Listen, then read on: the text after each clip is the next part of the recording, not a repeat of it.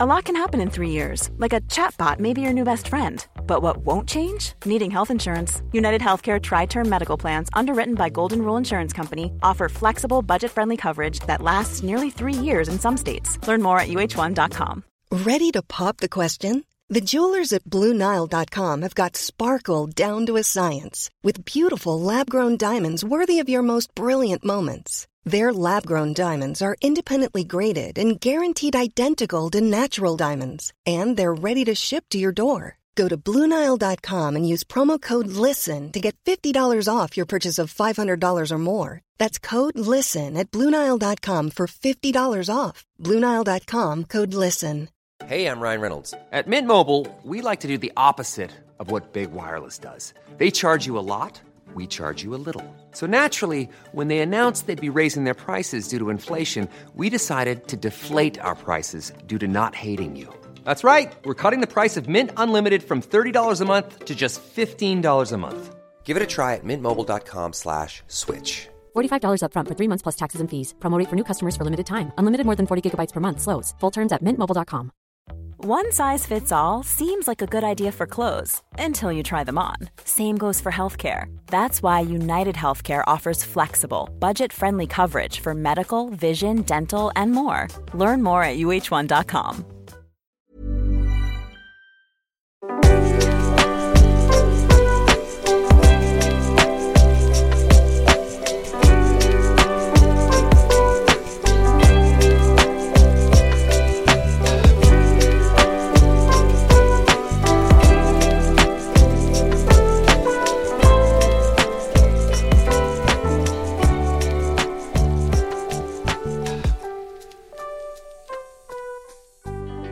Lotte Arndal, velkommen til Tak. Momtivation. Ja, tak Vi er- komme. Ja, så hyggeligt, vi er i studiet. Dig og mig og Christina. Hej, Stina. Hej.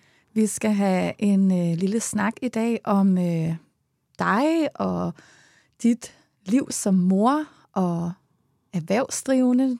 Du har Arndal Spag. Mm. Jeg tænker, du lige kan give en introduktion af dig selv om lidt, sådan, mm. hvem du er, hvad du har af børn, hvad, hvad du går rundt og laver. Men jeg glæder mig til den her episode, fordi at vi skal... Øh, jeg ser dig jo som en ekspert, det gør Stina også, inden for os det her med øh, krop og, og både Efterfødsel. efterfødsel ja. og Mhm. alle de her ting. Øhm, og også, hvordan man lever sundt, Mm. inden man bliver gravid, mens man er gravid, de her ting. Øhm, og det er noget, som der har fyldt en del for mig igennem især første halvdel af min graviditet. Og, øh, og det tænker jeg, vi kommer mere ind på, for jeg ved, det er noget, der også fylder for mange andre med alle de her ændringer, mm. kroppen skal Mm. igennem. Så den her episode kommer meget til at handle om, øh, om krop og mindset mm. også. Men Lotte, vil du ikke starte med lige at fortælle det, som du tænker, vi skal vide om dig? Jo, der er jo mange vinkler på det, du siger. Ja. Øh, Dels som du siger, fordi jeg arbejder rigtig meget med efterfødsel, men øh, også fordi du sagde, at jeg fortæller om mit eget liv som mor. Men jeg har Arndalsberg Fitness i København. Mm-hmm. Øh, det har jeg haft i, ja, det var 21 år, fordi min største pige, hun er, eller har en pige og tre drenge, har fire børn i alt. øh, og hun var et halvt år, da jeg åbnede mit firma. Det vil jeg ikke Vildt. anbefale nogen, det vil jeg starte med at sige. Når jeg tænker tilbage, tænker jeg, hvordan gjorde jeg det? det vildt. Det er godt nok sejt, du lige gjorde det. så, så jeg åbnede mit firma der, der var hun et halvt år gammel, og der lå mit firma så i 10 år på Dangleterre, og så byggede jeg mit eget location øh, lidt længere hen ad gaden i Storkongensgade, hvor vi jo laver alt i wellnessbehandlinger, øh, ikke sådan kunstige negle og sådan nogle ting, men vi laver alt i wellness med økoolier og sådan noget. Mm-hmm. Og, øhm, og så laver vi rigtig meget sådan one-to-one training, øhm, som er sådan 100% ja, en til en med udgangspunkt i, hvad behov folk har.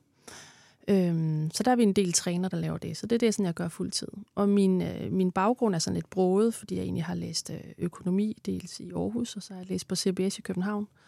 Og har hele tiden været enormt sporty selv. Øh, og øh, blev sådan draget det med kroppen, og det er sådan, så sideløbende, mens jeg har læst min kan mærke, har jeg læst noget træningsfysioterapi i USA og kostvejleder. Så jeg har aldrig fået et rigtigt job, som min morfar siger. Du har skabt dit eget job. Ja, jeg startede mit eget job. Ja, så, øhm, og så undervejs i det her har jeg haft meget, øhm, altså ikke en træningsfysioterapi, men selvfølgelig med core og korsetmuskler og, og ryg og så videre. Og så er det noget, jeg sådan har gået rigtig dybt i i forbindelse med, at faktisk jeg blev gravid med mit første barn, Jasmin, som er 21, fordi øh, jeg ikke helt troede på alt det, der var, og der florerede på det tidspunkt. Ikke? Mm. Øhm, hvis jeg skal starte med allerede at fortælle om det nu, så var det ret spændende, Ja. fordi jeg var på det tidspunkt, altså helt almindelig, men jeg var i rigtig god form og løb meget og øh, gik til holdtræning og styrketrænet. Og sådan udelukkende for sjov og havde sådan ret socialt i det med en masse andre unge piger, der også læste dengang. Og, øh, og så blev jeg så gravid. Og, øh, og alle, nu kommer jeg fra Jylland, og alle fra Jylland, altså min elskede familie i Jylland, det var sådan, at når kvinderne blev gravide, så blev de meget overvægtige. Altså selv de slanke kvinder blev meget overvægtige Okay. som, som øh, gravide. Øh, og det er sådan det billede, jeg har, fra da jeg sådan var barn og teenager, det var, når du ved, kusinen og mosteren og øh, Annette på vejen blev gravid og sådan noget, hende der boede på den samme vej, mm. så, så blev de overvægtige. Og nogen tabte sig igen, og nogen tabte sig ikke igen. Mm. Så det er helt klart det billede, jeg har fra ja. dengang. Og, øhm, og helt klart holdningen, også min mor, øh, som har fået tre børn, det var jo, at nu skal du holde op med at løbe, Mm. øh, og alt det der kasten rundt med vægte, øh, du gør i fitnesscenteret med dine mm. veninder, du læser med, det, det er jeg sikker på, det er godt for dit Ja. barn, så det skal du holde med. Og det var sådan det, jeg blev mødt af øh, alle steder. Øh, plus at øh, da jeg var oppe og få lavet min vandrejournal, der der var gravid første gang, så øh, han siger det samme, ham lægen. Gud, Og jeg har sådan lidt, at, øh, at, at nu skulle jeg stoppe med at løbe og sådan noget. Og så tænker jeg lidt, Det er sjovt, hvad der skete på 21 år. Ja, men det er det stadigvæk ikke. Det er, sta- det er stadigvæk A eller B, fordi Ja, ja, okay. nu har jeg har i forbindelse med, nu har jeg jo to børn, der er store børn, og så har jeg to mindre børn. Mm. Og så kan man sige, jeg har jo faktisk skrevet en bog om det, da jeg fik mit første barn, og så har jeg faktisk skrevet en bog om det igen, øh, da jeg fik mit tredje barn. Øh, og der er jo ligesom sket noget på de 10 år. Øh, der er jo undersøgt alt, hvad forskningen ligesom viser, hvad må man, hvad må man ikke, og er det svært at blive gravid, hvis man løber osv. Men, men der er simpelthen sådan et paradigme, der er, du kan finde både jordmor, sygeplejersker og læger, som synes, at træning og graviditet, det simpelthen ikke hænger sammen. Okay. Altså, det hænger bare ikke sammen. Og så er der nogen, der selvfølgelig siger, at det må man gerne. Så en ting er, at jeg har jo lavet en, en, både den første bog og den anden bog, har jeg sådan fået godkendt på øverste niveau af øh, professor Bente Klarlund og overlægen Charlotte Wilken Jensen har også godkendt øh, begge bøger. Så alt, hvad der står i det, er validt. Men, men selvom der ligesom er bevist, at det må man faktisk gerne træne, man skal ikke overtræne Mm. øh, på atletniveau for eksempel, medmindre man er vant til det.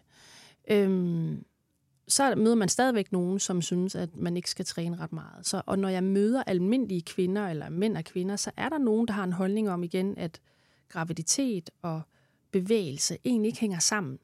Altså jeg har haft nogen i vejledning, hvor de fx har cyklet med en stor mave på cyklen, og så er der en mand ved siden af, der har sagt til hende, at det, det, der, det er dit mave, der er vist for stor til. Så det, altså det, jeg tror bare, det er sådan en holdning, folk Mm, har, at det er okay. sådan, du ved, nogen var også bange for corona, og nogen var ikke bange for Ja. corona. Bare for at give et Mm. eksempel. Jeg tror bare, det er sådan en holdningsspørgsmål i Ja. samfundet, at der er Ja. nogen, der mener, at det ikke hænger sammen.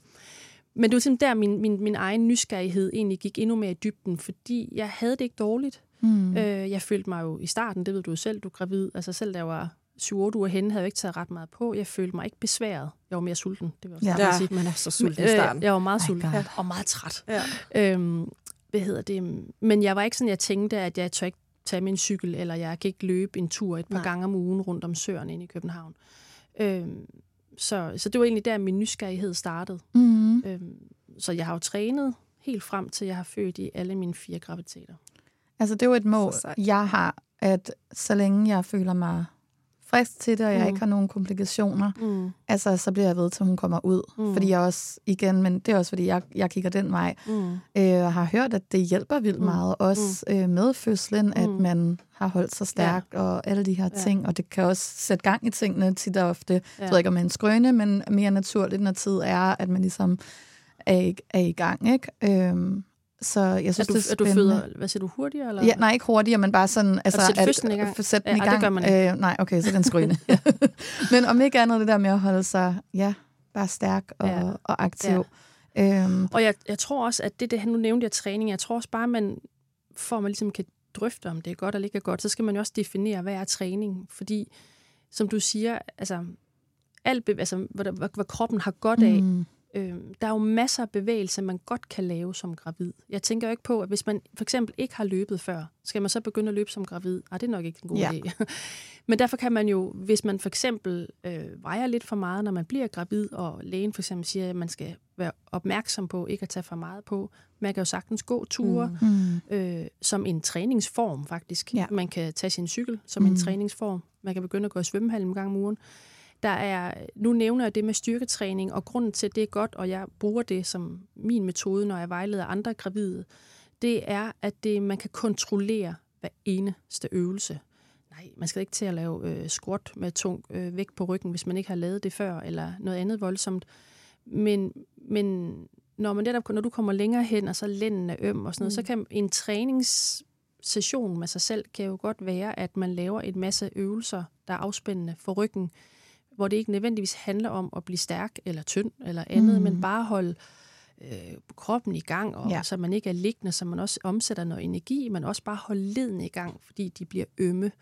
Hvor at er man øm i ryggen og i bækkenet og lægger sig på, på, på sofaen, altså, det bliver man ikke mindre øm af, mm, vel? Nej. Så det der med at bevæge sig, så, så jeg tror bare også, at det er folk, fordi de tænker, træning, det skal man ikke, ja. når man er gravid, men der er jo mange former ja. for træning. Mm. Ja, jeg, jeg har personligt selv holdt ved min træning i mm, nogen modificeret form, efter jeg blev gravid, øh, som er et mix af ja, styrketræning, selvfølgelig ikke med vanvittigt tunge vægte mm. nu, men og, øh, og noget cardio, og det sjove er, sådan, jeg træner samme antal dage om ugen, som jeg gjorde før. Jeg har også haft en rigtig let graviditet indtil mm. videre. Det mm. igen har ikke følt mig besværet.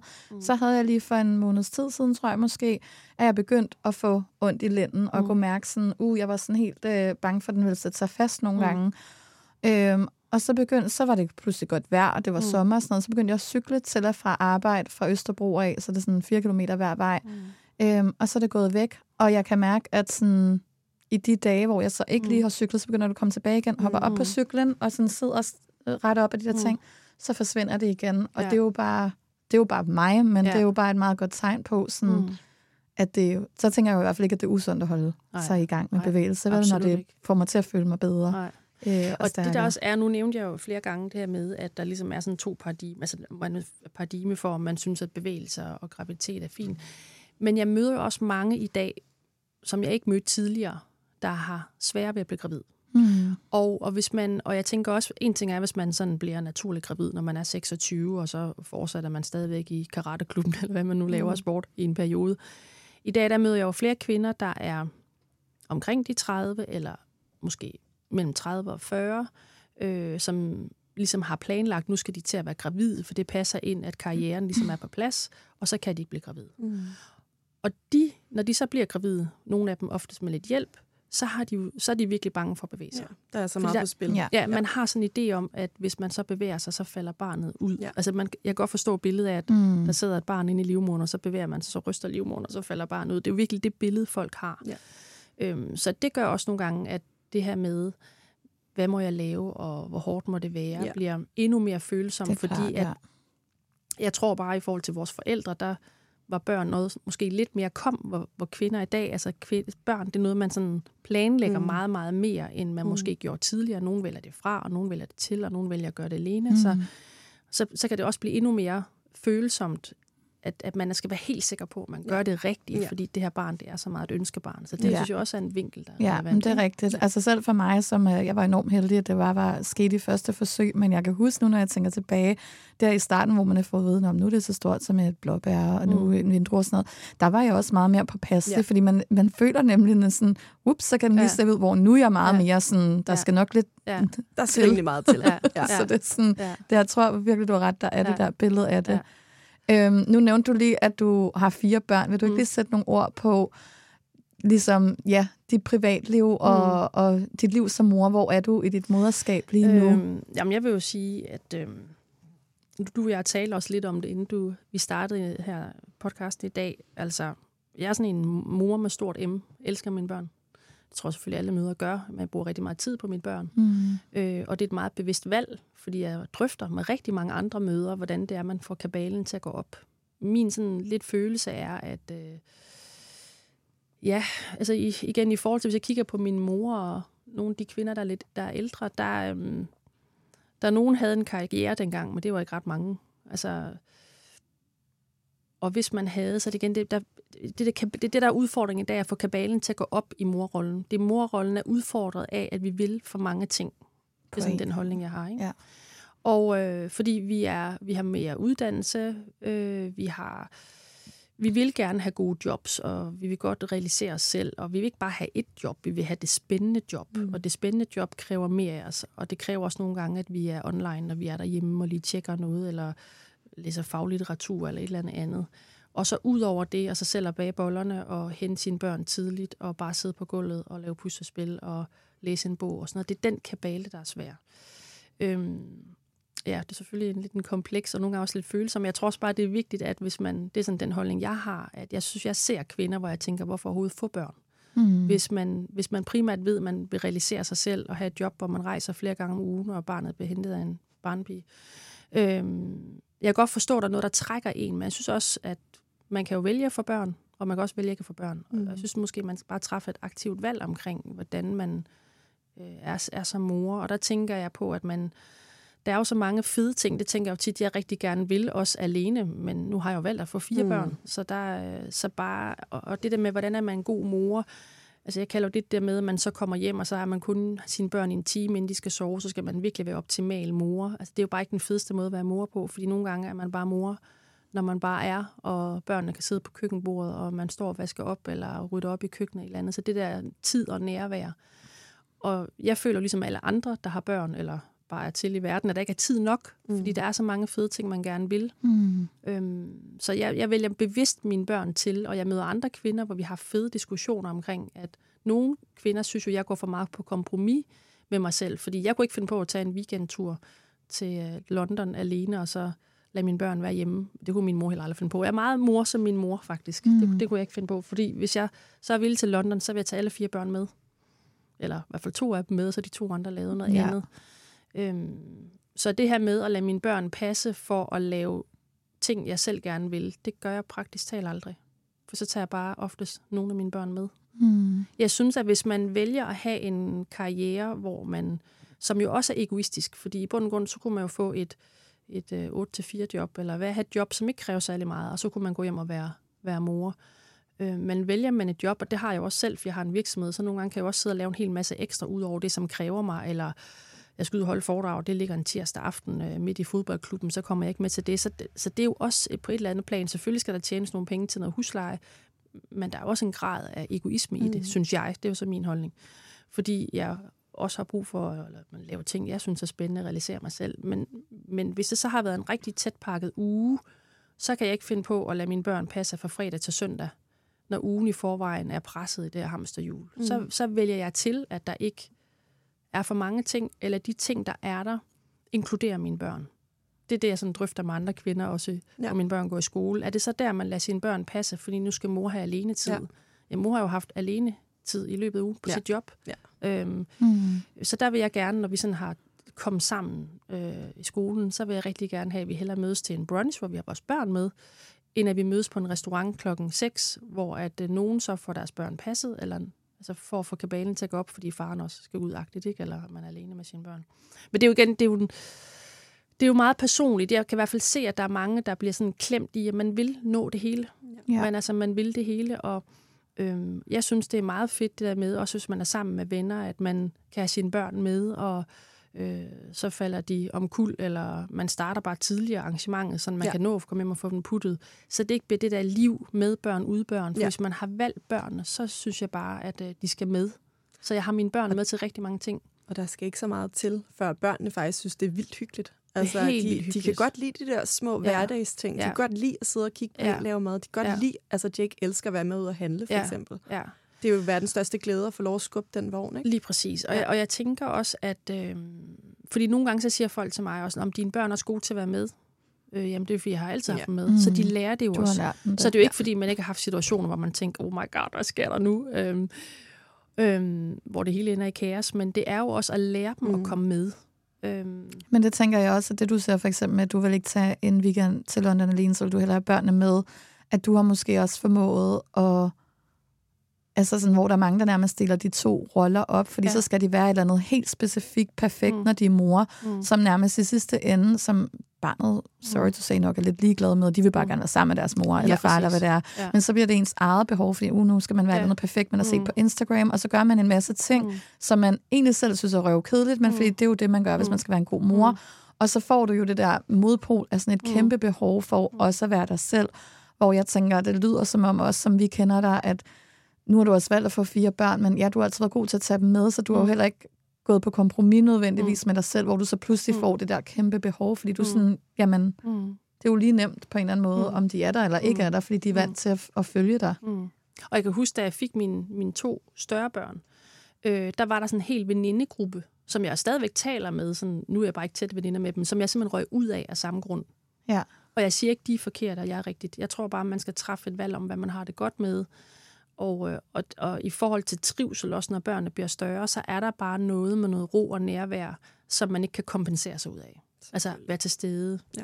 øh, gøre børnene stærke ind i, sådan, når de bliver store nok, når de selv skal flyve, at de har en god kerne. Øhm, den, den tror jeg ikke kan... Så kan man sige, når så ser jeg mit barn et par gange om ugen, og så er jeg bare super mom, mens jeg er sammen med dem. Sådan fungerer nej, børn ikke. Nej. Mm. Det er de små ting. Ja, så der var en hel venindegruppe, som netop, hvor vi alle sammen var op, altså i gang med at starte virksomhed, eller øh, i fuld gang med en karriere, som så fik børn på samme tid der, omkring de 30, øh, hvor jeg simpelthen røg ud af den venindegruppe overhovedet ikke, altså sådan, fordi jeg var uvenner med dem, men der, det igen, så skulle man sætte den ene sted, den anden sted, hvor at, ja. at børnene blev passet. Det, øh, det var bare ikke dig. Jeg havde nogle pærer på det tidspunkt, som godt kunne have passet min datter. Det kunne, det kunne jeg bare ikke finde på. Nej. Så, og der skal man jo bare lytte til sig selv. Ja, men, men, men, og jeg siger ikke, at min måde er den mm. rigtige. Jeg siger bare, at jeg drøfter det med mange møder, ja. fordi det, jeg tror bare, det er en generel udfordring, kvinder har i dag. Det er, og man kan jo også se netop på de sociale medier, så er der nogle kvinder, som stiller sig frem og siger, på at jeg går hjemme øh, og øh, passer mine børn, lidt ligesom vores altså, mm. forældre eller bedsteforældre gjorde. Ikke? Øhm, og det synes jeg også er meget fedt, og der kommer noget ro i familien, når man ikke skal gøre karriere og performe og være dygtig og samtidig være nærværende og løse udfordringer i legegruppen og så smøre en madpakke og, og finde fodbold, der er blevet væk på en gang. Altså. Så, og jeg kan se det også, øh, fordi min mand har en virksomhed, og jeg har en virksomhed, og nu er vi så blevet ret gode til det, fordi vi hele tiden hver aften drøfter igennem og planlægger og sidder hver søndag faktisk og taler ugen igennem, mm. hvornår der er forældremøde, hvornår der er fodboldstævne, sådan der ligesom er ro omkring de aktiviteter, der er og netop med vilje nogle gange prøver så også i weekenden at sørge for, at der ikke skal laves noget andet end bare være sammen. Øhm, men for eksempel, det, det kan nogle gange, at da vi sådan fik de to små sammen, der, der var der virkelig mange pressede situationer, som jeg hører alle har. Ja. Hvor at vi også, altså jeg havde jo ligesom fået to børn. Øh, da jeg var yngre, troede jeg, at jeg rigtig gerne have fire børn. Og så tænkte jeg lidt, nå, jeg fik to dejlige børn, så det skal jeg mm. selvfølgelig være glad for. Og så mødte jeg en mand, som så ikke havde børn og godt vil have børn. Og så fik jeg to børn. Og, øhm, og så havde vi fået de her to børn, hvor den ene af dem havde en lidt svær start, men, men overlevede, og så skulle vi jo sådan ligesom være lykkelige, og så endte vi faktisk i en drift af vores familie, hvor vi faktisk var ret tit uvenner. Mm. Og så satte vi os ned og kiggede på hinanden en dag, så hvad er det, der foregår? Mm. Altså, dels har vi fået to super skønne børn, den ja. ene af dem var vi næsten ved at miste, og nu sidder vi kun og skændes om planlægning, altså det fungerer mm. overhovedet ikke. Øh, så det er vi sådan blevet ret gode til, men det, der var en øjenåbner, var også, at da der var corona, for der havde mit firma helt lukket, ja. og hans firma havde rigtig travlt.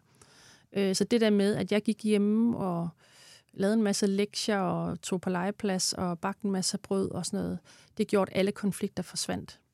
Øhm, så det på alle måder var faktisk en magisk tid for mig. Mm. Det tør jeg næsten ikke sige højt, men når folk Nej, det sagde... Ikke, det, den, det har man ikke hørt så meget af. Nej, fordi når folk sagde, at nedlukningen var hæslig, og det var den også for ja. mig økonomisk, for jeg mistede en masse penge i min forretning.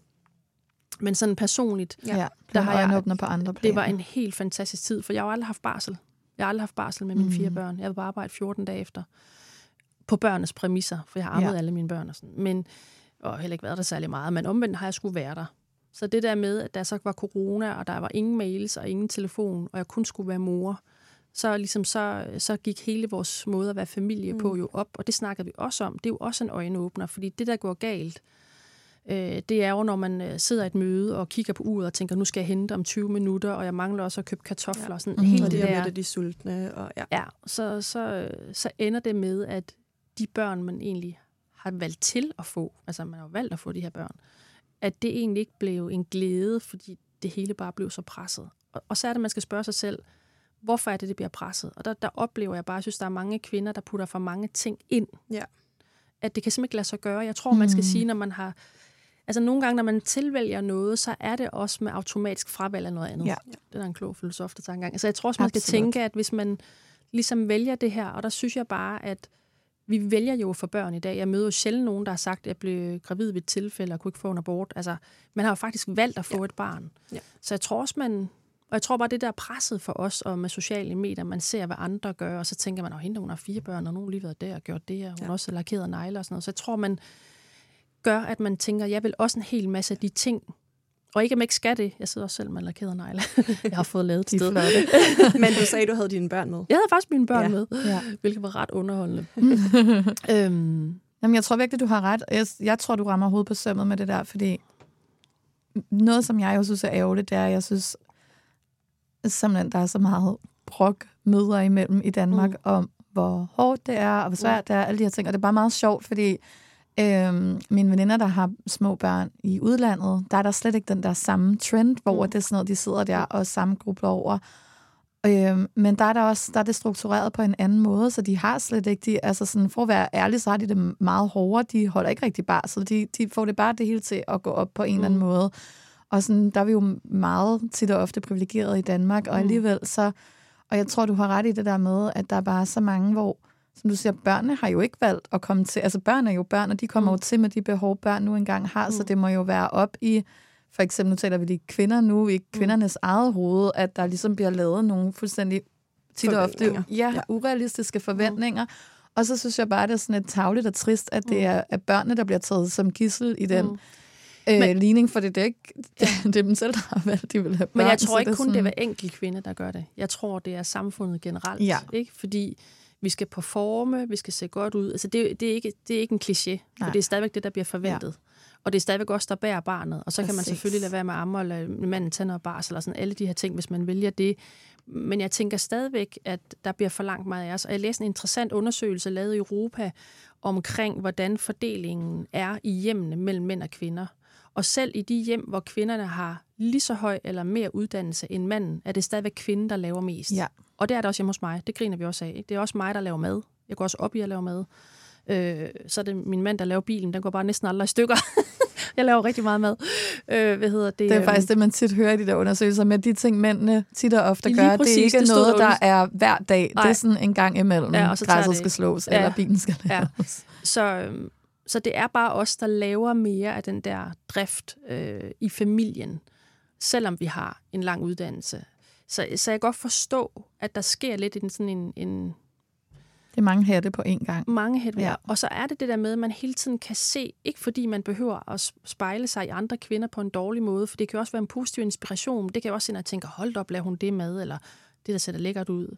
Øh, man skal det være opskriften for kompliceret, eller igen en, der rejser ned op til London i landet. Man kan jo godt føle sig draget af, at det oplever andre, og der følger vi jo meget, meget mere med hinandens liv, end vores møder fuldt mm, med mm, ja. i deres veninders liv.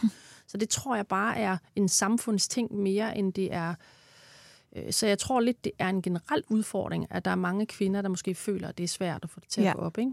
Og jeg tror, hvis man gerne vil have de der ting til at gå op, så kræver det også virkelig en indsats nok især som kvinde, og også give den plads, fordi mm. der synes jeg jo, du, Stina, er et eminent ja, eksempel jeg, på... Jeg kan i hvert fald ikke genkende Nej, til det der. du er jeg en af dem, der står ud for... mere i hjemmet, end ja, jeg gør. Du, du mm. er en af dem, der står ud for den statistik højt sandsynligt, men det har jo også, du har også været bevidst om, ja, et, han er, øvet mig meget han er en mand, der godt kan slip. lide også de der øh, daglige ting, og han kan godt lide at lave mad og lige vaske tøj og de der ting, men du har også virkelig sådan givet slip og givet ja. ham plads til og, og have de der ting, og det tror jeg er sådan, det der er mange kvinder, der mm. godt også kan lide at have den der kontrol, og så vil de mm. gerne gøre det hele selv på en eller anden måde. De vil gerne have, at måske manden tager over, men så gør han det ikke rigtigt. Mm. Og det tror jeg, man skal være villig til, at det ikke bliver gjort på din måde. Det gør måde. de heller ikke altid. Nej, præcis. Nej. Men igen, og, det skal man lukke øjnene for. Og, og det er jo rigtigt, altså, så kommer de hjem med et flissæt i en forkert farve, ja. i, men, men det er dig, der synes, det er en ja. forkert farve. Det, ja. det er jo alt er ja. relativt, ikke? Ja. Så jeg tror bare, man skal være villig til at, at give slip på, ja. om tingene bliver gjort på din måde eller ej. Ja. Fordi men, men det, det har, frigiver tid.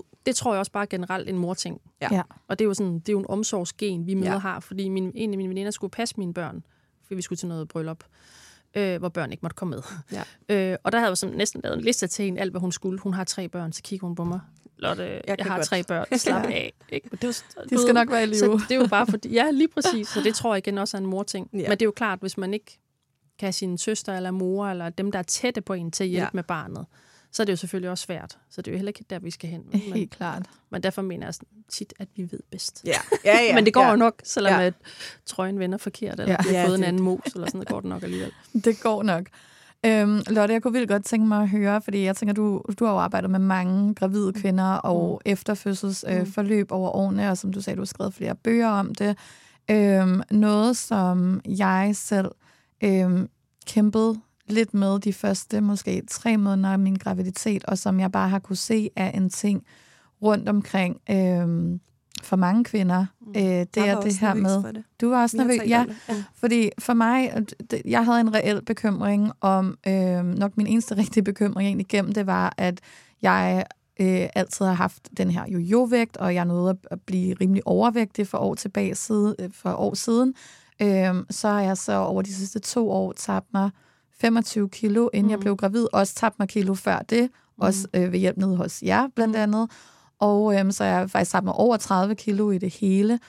Og øh, det har været fantastisk, og, jeg, og det har ikke været sådan noget med diæter og sådan noget. Det er sådan, hvor det blev en livsstil, og jeg er kommet derhen, og jeg bliver ved med at gøre det samme nu, hvor jeg er gravid. Men jeg var vildt nervøs for, mm. når jeg så blev gravid. Øhm, jeg var egentlig ikke så meget nervøs for det der med at tage på. Jeg var nervøs for, at det ville tage overhånd, mm. men jeg var selvfølgelig indforstået med, det er klart, man bliver nødt til at tage på på et tidspunkt, og der, men der kom en baby, det var egentlig okay for mig. Men jeg kunne mærke, at den der sult, som du også lige nævnte, der er mm. særligt i første trimester. Nu er den heldigvis forsvundet på, for mig her i andet trimester mm. på den der sindssyge måde. Men i første trimester, jeg var ellers enormt privilegeret og havde det nemt. Jeg var så sindssygt sulten, at mm. det var helt vanvittigt. Og for mig, så tror jeg sådan, for mig, der skabte en eller anden gammel trigger, der ligger inde i min underbevidsthed med, det er ikke godt, fordi du mm. må ikke spise for meget og alle de der mm. ting. Så jeg havde enormt svært ved at forene de der ting, og kan mærke, at det er en generel ting, som helt klart mange kvinder, der også har døjet med overvægt, øh, måske stadigvæk har haft noget overvægt, da de blev gravide, også er bekymret for. Mm. Også kvinder, der har haft det modsatte problem, som mm. har været, altid været bange for at mm. tage på, og måske mm. endda har haft en, en sygdom med det. Øhm, og så, så, som du siger, Stina, du har aldrig haft et issue med vægt, men du var også... Jeg tænkte, hvor skal det gå hen? Fordi Hvad skal jeg, det ende med, jeg, fordi du var så sulten? Jeg var så sulten, og det mm. stoppede jo igen, men det vidste man ikke. Nej. Man stod Nej. bare der i uge 8-10 og var så det var en sult, jeg slet ikke kunne stoppe. Ja, ja. så jeg er sådan nysgerrig på, nu har det gået lidt, nu har jeg arbejdet med det gennem, da det er blevet meget bedre. Nu er også i takt med den der vanvittige sult, den, den stoppede. Men, men om du har nogle, nogle gode tips til, hvordan man ligesom kan arbejde med, med sig selv igennem det, når man er i de der perioder af sin graviditet, hvor at man på en eller anden måde, ja, kan finde noget ja. ro ved det, eller om du har nogle særlige tips. Der er jo rigtig tips. mange ting i det, du siger. Ja. Der er jo hele det her med øh, generelt ordet kontrol og kvinde og krop og være gravid, mm. fordi man mister kontrollen. Det er den ene ja, ting. det er kæmpe kontrol. Og, og så den anden ting er også, at man kan jo ikke sige, fordi man bliver gravid, og så er man fem uger henne, at så er det lineært med, at man tager på. Nej. Det er jo så vigtigt. Går man ind, og det kan man jo se alle bare google, hvor meget er det er en graviditet af selve barnet, mm. hvor meget er vand, og hvor meget er ved blod. Øhm, så man kan jo ikke sige, at fordi man tager på, så, så, så begynder man gradvist at tage på i vægten, sådan fedtmæssigt med det samme. Mm. Øhm, der man primært skal tage på, det er jo faktisk i den i sidste det sidste trimester. Altså det første trimester skal man ikke tage ret meget på. Og når jeg vejleder, så, så handler det selvfølgelig om at have en, en, en sund øh, kost og livsstil. Men det handler også om at, at holde sig øje med, at man ikke får lagt sig på meget på sofaen de første 20 måneder, eller ja. 20 uger, undskyld, ja. 20 uger, øh, og få spist for meget, sådan at man allerede har taget de anbefalede 10-12 kilo på der. Ja. Fordi så ender man altså op over 20, inden man er færdig. Så det er også noget med at, at holde... Jeg synes ikke, man skal gå på vægten hele tiden. Det er overhovedet, og man behøver måske slet overhovedet gå på en vægt, men bare kigge i spejlet og holde øje med, at, at det er faktisk i slutningen af graviditeten, at vægten virkelig skal, man virkelig skal føle, at man bliver større. Øhm, for der møder jeg jo nogen, som tager de første 10 20 kilo på, ja. inden uh, man er 25 uger henne, så ender man jo ret højt op, ikke? Mm. Jo. Og hvis vi lige prøver den, synes jeg, den kan vi godt lige drøfte lidt mere, men det med kontroltabet, så, øh, så havde jeg det jo selv på samme måde, som jeg fortalte i min intro, at i Jylland, der hvor jeg så på kvinder, der blev gravide, så blev de overvægtige. Og jeg var jo i ret god form, da jeg blev gravid med mit første barn, og der var jeg også sådan lidt, jeg havde virkelig en følelse af, nå, men så det er sådan lidt på kompromis af min krop. Jeg kommer nok til at betykke ligesom alle andre, og øh, kommer til at miste min krop men jeg ville så gerne være mor, så jeg tænkte, det vil jeg godt ofre. Det tænkte mm. jeg virkelig. Jeg tænkte, så mm. ofre min krop, for jeg ville rigtig gerne være mor. Og så gik jeg og ventede på, at jeg tog på, og det gjorde jeg jo. Selvfølgelig tog jeg på, ligesom alle andre, men jo ikke særlig meget. Nej. Så jeg tænkte, gud, det, det, og jeg følte også, at jeg mistede kontrollen, det du beskriver, for jeg var mere sulten, og jeg var helt vildt træt. Men udover det, så, så, øh, så var det jo ikke sådan, jeg tænkte, jeg gik nogle gange og ventede på, og tænkte, hvornår er det, jeg bliver overvægtig, men det blev jeg jo ikke. Jeg tog 12 kilo på, eller 13 kilo på, eller sådan, det omkring, som man mm. anbefaler. Øhm, men så der er helt klart noget, noget følelse af, at man mister kontrollen. Ja. Og man mister kontrollen. Det gør man bare. Og det er faktisk det, man skal dyrke. Man skal faktisk... Mm. Øh, det er jo helt for vildt, hvad der sker. Altså, jeg ved godt, at der bliver født børn hver eneste dag, og vi kan sende mænd ud i rummet, og alle de her ting. Altså, der sker mange vilde ting i verden, men det er stadigvæk et mirakel hver gang, hvis man går ind og kigger på, at, ja. hvordan man kan lave et menneske, som så kommer ud med arme og ben. Øhm, og det, at kroppen bare gør det, Altså, man kan sidde og se Netflix, man kan stå ja. på hovedet, man kan... Man er på en måde bare passager ja, på, på sin ja, kropstog. Ja, lige præcis. Altså, prøve lidt allerede der. Altså, jeg skal være taknemmelig for, at det kan lykkes, og også igen, jeg møder mange, der ikke kan få børn. Altså, når det er gravid, være glad for det, og, ja. og det der med, at ens krop faktisk skaber et menneske, det er, det er faktisk vildt. Mm. Øhm, og så igen, øh, hvis man ikke tidligere har været god til at lytte til kroppen, du siger også, at du igennem din proces med dit vægttab også er blevet god til at lytte til kroppen, så det er jo lige præcis det, man skal, når man er gravid. Hvornår er man sulten? Mm. Øh, er det fordi, man er... For det oplevede jeg, jeg var rigtig sulten. Det var ikke sådan, jeg keder mig ja, sulten. Jeg nej, var fysisk jeg, jeg sulten. Jeg var også rigtig sulten, ja. som jeg, jeg besvimer, hvis jeg ikke ja. får mere mad om lidt. Igen, og det er jo lyt til kroppen. ja. Det er jo ikke fordi, man er uvenner derhjemme, eller man er ked af det, at man så trøste spiser. Så der skal man virkelig lytte.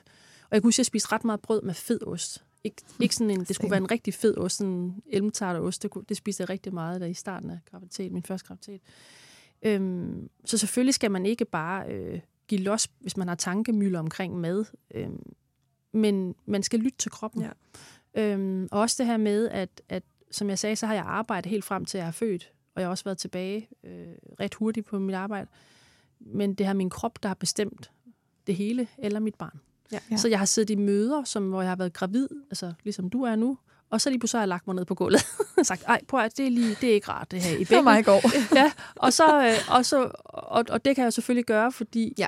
at øh, jeg bestemmer, når jeg også har mødt andre kvinder, der sådan har været ansat, så har jeg sagt dem grunden til, at de sådan sagt, ej, du kan stadigvæk arbejde. Så sagde jeg, det kan jeg, for jeg selv bestemmer. Mm. Hvis jeg var tørst, jeg kunne finde på at bede en af pigerne om at gå hen i Netto og købe en kakaomælk til mig, for det kunne jeg mærke, det havde lige brug for noget sukker. Øh, eller mm, ja, igen, så skulle jeg ligge ned, øh, så jeg lige havde benene op ad væggen og sådan noget, så jeg har lyttet rigtig meget til min ja. krop hele vejen. Så det, det er det, man skal gøre. Man skal så det ender ind. måske med, at man, hvis man lytter til dig, hvis man prøver, selvom det er virkelig ukomfortabelt, måske ja. mindset-wise, mens man går igennem det, det der med mm. det der kontroltab, det har nok også været det, der har været det største for mm. mig. Mm. Men hvis man så er i det, og på en eller anden måde mm prøver at dyrke det, som du siger, så kommer man til et punkt, hvor man faktisk bliver endnu bedre venner med sin krop, fordi man kan mærke, at ja. det, sådan, det finder hinanden. Du skal jo, altså det der med at stole okay. på, igen, som jeg siger, det er jo ikke en, en, en, sådan en, en trigger-tanke omkring, at nu skal man have en pose Haribo mix, fordi man er ked af det. Altså, det er jo noget helt andet.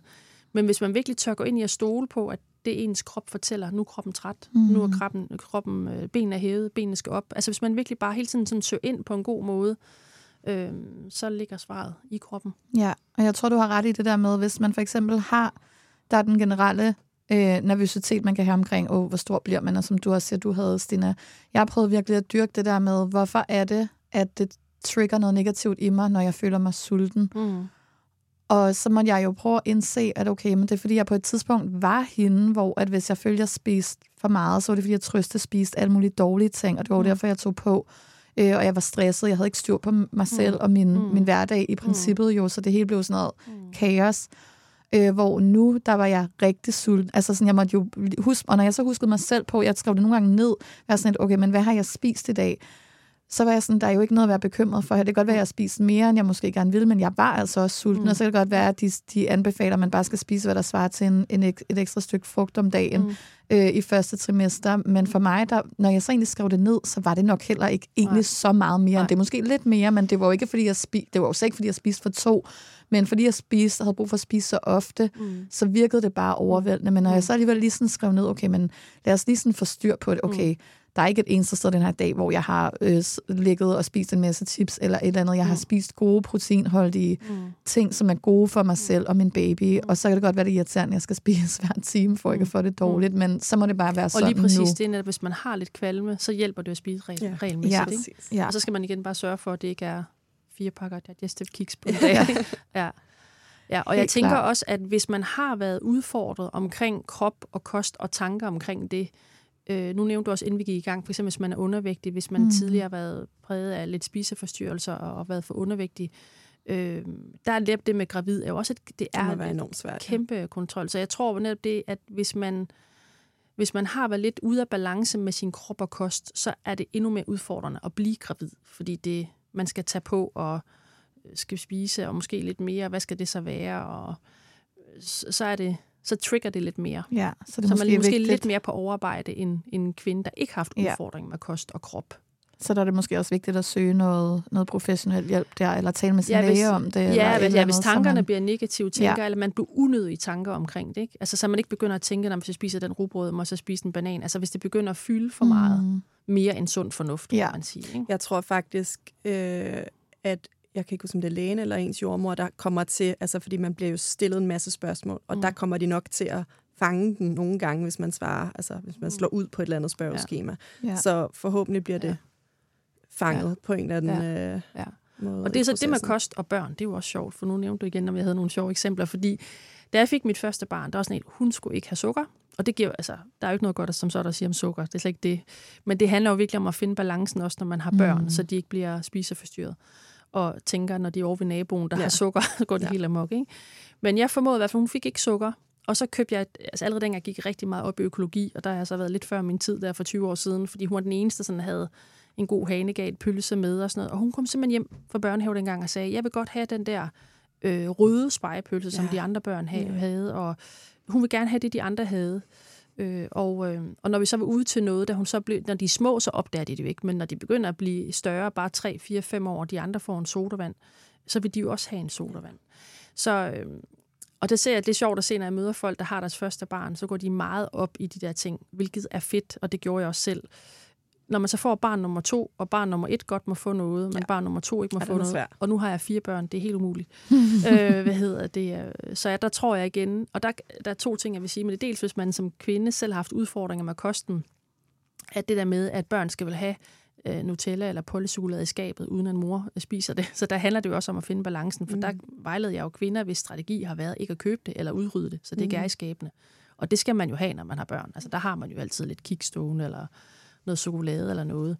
Men jeg tænker også, at man, der skal man også, hvis man ikke tidligere selv har arbejdet med balancen i at kunne have noget liggende, og kun spise det i ny og næ. Mm. Fordi det er det, man skal lære sine børn. Ja. At man godt kan få en franskbrød med Nutella, men derudover har man stadig spist frugt og fået et blødkogt æg, eller sådan ja. finde balancen i det.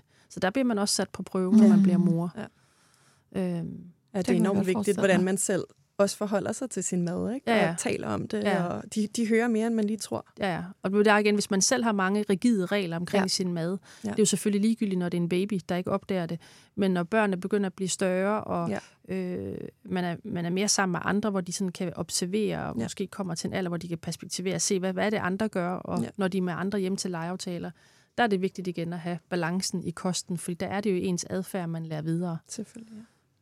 Så, det er jo så, og det er jo så ikke noget med graviditet at gøre, men der har jeg jo nogen i kostforløb, som også får lidt psykologhjælp ved siden af min rådgivning, fordi mm. de netop, når børnene sover, går ud og spiser polychokolade og skabet. ja. ja. Jamen, der er heller ikke noget ja. bedre end sådan nogle børnesnacks. Altså Jakes ostehapser og mælkesnitter og alt muligt, hvad ja. vi har nogle gange. Det er altså både Sam og jeg, vi ryger lige i det. Ja, Ej, der, der er forskel på at tømme skabet om aftenen, og barnet sover. ja. ja. Ej, der var, der var, det er jeg glad for, at du ser, for der var nogle gange, da jeg passede uh, Jake helt i starten, øh, hvor når han var blevet lagt i seng, og jeg havde det kvalme, så er det jo sådan, mm, en ostehaps. Ja. Haps, så det Ej, det er så tit. Ej, hvor er en dårlig gudmor, jeg spiser nej, en ostehaps. Nej, nej, nej, nej, Men jeg vil aldrig nej. tage den sidste. Vi køber, vi køber uh, family pack, fordi det er the whole family. jeg tager aldrig den sidste. Jeg vil aldrig tage den sidste, det er det samme. Men hvis der er nok i pakken, så er det ja, okay, det er ja. godt. ja, ja jamen, det giver rigtig god mening, for jeg tror, der er mange af de der ting, og tit og ofte, så tror jeg sådan, hvis man oplever den der underliggende ubehag følelse, der er et eller andet, der trigger mig, så mm. jeg fik i hvert fald rigtig meget ud af at lige sådan sætte mig ned med mig selv og være sådan, okay, hvad er problemet egentlig? Mm. Sådan, hvad er det, jeg har spist? Og virkelig lige prøve at være sådan, gå fra A til, til, mm. til sæt omkring det. Mm. Og så kunne jeg jo godt se, okay, ro på. Altså kunne jeg sagtens se savligt oppefra, mm. sådan, der er jo ikke noget problem. Det er bare sådan en, en underliggende følelse, mm. jeg har, der er sådan, fordi den, mm. den forbinder mm. mig med noget gammelt, som ikke var godt. Men når jeg så lige kiggede på det rationelt, så er sådan, der er ikke noget at være bekymret for, og så fik jeg det mm. fint igen. Mm. Men havde jeg nu stadigvæk haft den, så er det selvfølgelig vigtigt, at man taler med en om ja. det, som, så det ikke bliver sådan alt opslugende for mm. ens graviditeter i tiden ja. efter. Ja. Øhm, det synes jeg er en rigtig god måde at se Men jeg det synes, på. I forhold noget helt andet, jeg ikke fik sagt før, som du siger, i forhold til det med, at du nævnte, at du havde veninder i udlandet, hvor du følte, at, at måden at se på moderskabet på, selvom det, deres hverdag faktisk var hårdere, sagde mm. du, at var mere positiv, end den er herhjemme. Så, så igen er det jo sådan en samfundsting, det her med, at, og sådan er det jo ikke kun med moderskabet, men med at være sygemeldt med en depression, eller lide angst, eller øhm, alle de udfordringer, man vi nu alle sammen kan have i livet, at, at der er det blevet mere øh, legalt, og endda også faktisk trendigt, at man taler højt mm. om det. Jeg har været syg med en depression, eller jeg synes, moderskabet er hårdt. Og der er jo helt vildt mange fordele ved, at vi er blevet mere åbne. At ting, Absolut. der før var tabu, belagt. Altså, man, man turde ikke sige, at man har haft en depression, eller man turde ikke sige højt, at man havde haft en fødselsdepression. Eller sådan noget. Så jeg synes, der er Den rigtig, del er rigtig, positivt. ja, Helt enig. rigtig mange gode ting. Men det, der så er ligesom ulempen ved, at det bliver sagt højt, det er jo også, at netop så sidder der som, altså nogen, der ikke engang er kommet dertil nu, at de vil have et barn. Og så øh, er der bare rigtig mange historier, der florerer omkring, mm. hvor hårdt er det at have et barn, eller mm. så er der en stor artikel om at få en fødselsdepression og sådan noget, hvilket også er vigtigt, fordi vi skal gribe dem, der, der, Mm. der er i risikogruppen for det. Men der er så også bare en hel masse unge, sunde, normale kvinder, som, som for hvem moderskabet umiddelbart ikke burde være særlig hårdt, og ikke er i risikozonen for at få en øh, øh, fødselsdepression, som lader sig præge af de her oplevelser. Så et eksempel kan være selve fødslen. Den er jo meget klassisk. De fleste fødsler går jo godt naturligt. Altså, det gør Ja. ja. lidt ondt. Det gør ondt at føde børn. men, men det kommer ud, og alt går egentlig godt. Og så nogle gange så hører man jo rigtig meget om de fødsler, der går fuldstændig galt. Altså jeg har en veninde, der er børnelæge, så jeg, når jeg er sammen med hende, så hører jeg også om nogle fødsler, som ender helt frygteligt. Men som hun også siger, hun bliver kun tilkaldt, når det går galt. Heldigvis. Så der, har der måske været øh, 12-15 andre fødsler på hendes vagt, der er gået rigtig godt, hvor hun ikke er blevet tilkaldt. Så, så det her med, at vi er blevet åbne og tør tale Mhm. om ting, der er svære, kan jeg klart se en fordel i. Fordi der er andre, der har det på samme måde, Ja. kan vi ligesom løfte op og skabe sig, udvikling og ja. åbenhed. Men omvendt, så, som du siger, så bliver der også bare mange af dem, som så er talerør. Øh, dem, der taler højt om det. Øh, får jo også fortalt den lidt negativt lavede historie om, hvor hårdt det kan være. Men det er jo også med de ord, vi rammer en masse unge kvinder. Ja. Som, øh, Ja. og, og igen, og jeg kan Ja. godt forstå det, fordi hvis man så går frem og siger, jeg har fire børn, og jeg synes bare, det, Det er så fedt. det, det kører Ja, man kan næsten så ikke tænker sige man, hold nu din Nej. kæft. Altså, så tænker Ja. ja. man virkelig, hun er da bare mega Men det er bare ikke? lidt ærgerligt, fordi det har man faktisk brug for Ja. ja. at spejle sig i. Jeg, Ja, ja, det jeg havde nemlig- det lidt på samme måde som Ja. ja. dig, Ja. ja. da, da jeg var gravid med Jake. Altså, jeg fik hele den der, hele tiden kastet i hovedet. Ja. Nyd det nu, nyd jeres Advarsler, alenetid, og- og det bliver så hårdt. Og, Ja. og det er jo... Og det er fordi, it goes without saying, at man jo elsker sine børn overalt Mm. på jorden. Men det, Mm. men det ved man, altså, det forventer man, men man har jo ikke prøvet det. Nej. Så når jeg bare får kastet i hovedet, hvor hårdt det er, og hvor meget jeg skal nyde det, og livet bliver aldrig det samme, Mm. og Ja. ikke for nogle af de Mm. positive ting. Du skal nærmest øh, sige farvel til Ja. dit liv nu, ikke? Mm. Altså, Altså, sådan, det synes jeg var hårdt, så jeg synes virkelig, det er vigtigt, at man også kan tale højt om det er nemlig det det, fordi balancen ja. mangler i det, fordi jeg er helt enig, og det er kun godt, at vi er blevet mere åbne mm. og omfavner øh, de ting, så det ikke bliver tabu. Men, men det bliver nemlig så lidt på bekostning af, at så der er ikke nogen, der må sige, hvis Ja. de har det godt, og de Mm. faktisk synes, Mm. at det egentlig er nemt. Og det er sådan Mm. noget, der vil inspirere mig, sådan, at der også er den del Ja. af det. Ikke? Så det kan være der enormt triggering i hvert fald, at man hele tiden bliver eksponeret for alt det negative. Ja. Mm. Ja. Men noget, vi jo glemmer, det, altså det, det der børn gør, det er jo at give livet mening. Det er jo meningsfyldt. Ikke? Ja. Og man kan sige, at, at øh, for jeg har også fået spørgsmålet, fordi altså, efter jeg fik mine to større børn, så blev de alligevel snart så store, at der kunne jeg godt begynde at være, lave mere øh, lotteting. Og så fik jeg så to små, Mm. øh, og øh, nu er det så helt umuligt. og også fordi der er virkelig meget drift, og så de store Ja. ja. har hele tiden nogen med hjem, og der er altid øh, der er kærlighed og kaos hjemme hos os hele tiden. Jeg havde en veninde med hjem i går, som ikke har børn, og hun var sådan, "Ikke, det er sindssygt. Ja. der er virkelig er Men, det gang i men det er driften, der er hård. Det er jo det, der, altså, der kræver noget, ikke? hvor børnene yeah. er jo, Ja. altså, jeg synes, det, det er jo bare fantastisk. Ja, altså, nu ja. har jeg kun én, så det er jo, hvad jeg kan tale ud fra. Men det er driften, jeg synes, der kan være sådan, Ja, men, men, der det, det, det men det har jeg kedelige. sagt flere gange, så er Ja. det også bare tiden. For Ja. når jeg er færdig med driften, og nogle gange tænker, nu vil jeg godt lægge mig på sofaen mm. med Mm. en bog, så er der en, der skal have brug, øh, brug for hjælp med Ja. nogle lektier. Eller en, der har min store pige, som har udfordringer med kæresten, så skal vi sidde og snakke mm. om det Ja. over en kop te til klokken 12 om natten. Og det er enormt meningsfyldt Ja. og givetigt. Så der er også mange ting, som, som ikke er madpakker og vasketøj. Ja. Men det vil jeg sige, det var det der med, at det er meningsfyldt at få børn. Øh, det er jo virkelig meningsfyldt. Øh, og derfor, det vil sige, det vil sige før med at gå ud, så, så når jeg fik spørgsmål, om jeg savner, øh, for eksempel kunne jeg godt savne at gå i teateret, eller nogle af de andre ting, jeg plejer at gøre mere af, men det er som om, de ting giver ikke så meget mening for mig mere, fordi nærværet med mine børn giver mig mere mening. Det synes mm. jeg faktisk er den vigtigste pointe. Ja. Og det er jo det, der er det fede ved at blive mor. Nej, man føler ikke, altså de der fire børn, jeg har, det er jo også dyrt, faktisk. Det er ja. også rigtig dyrt. Så køber jeg faktisk mindre tøj, så min næsten ingen tøj til mig selv. Ja. Og, og det spurgte min datter også om dag, ej mor, du har ikke købt noget nyt tøj længe. Men det, det gør faktisk ikke noget, fordi det, det er mere meningsfyldt for mig at, at give nogle fede gaver ja. til dem, og så ja. kan jeg godt bruge de samme jeans. Altså, bror, det går ja. faktisk ikke så meget op i, om det er de nyeste. De, de er sikkert meget pæne. Dem købte jeg for to år siden. Ikke?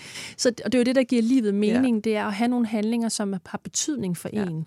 Øhm, og det er jo det, der er det fede ved at, ved at få børn. Det er det også det, sådan, hele min pointe, når man vælger få børn, så er det også den vej, man har gået. Og så ja. det er jo lidt, der er meningen, at, at det der med den mening, det giver ind i en selv, i ens øh, heart and soul, skulle til at sige, skal også skal påvirke de handlinger, man udfører. Mm. Så jeg føler faktisk ikke, at jeg går glip af noget ved ikke at kunne sidde nede på en, øh, på en bar inde i København en fredag klokken 19 med et øh, glas vin. Så vil jeg faktisk hellere sidde igen med nogen, der rummer, at børnene er med, og så kan ja. vi sidde og få et glas vin klokken 19 og grine af et eller andet sjovt, hvor mine børn er med.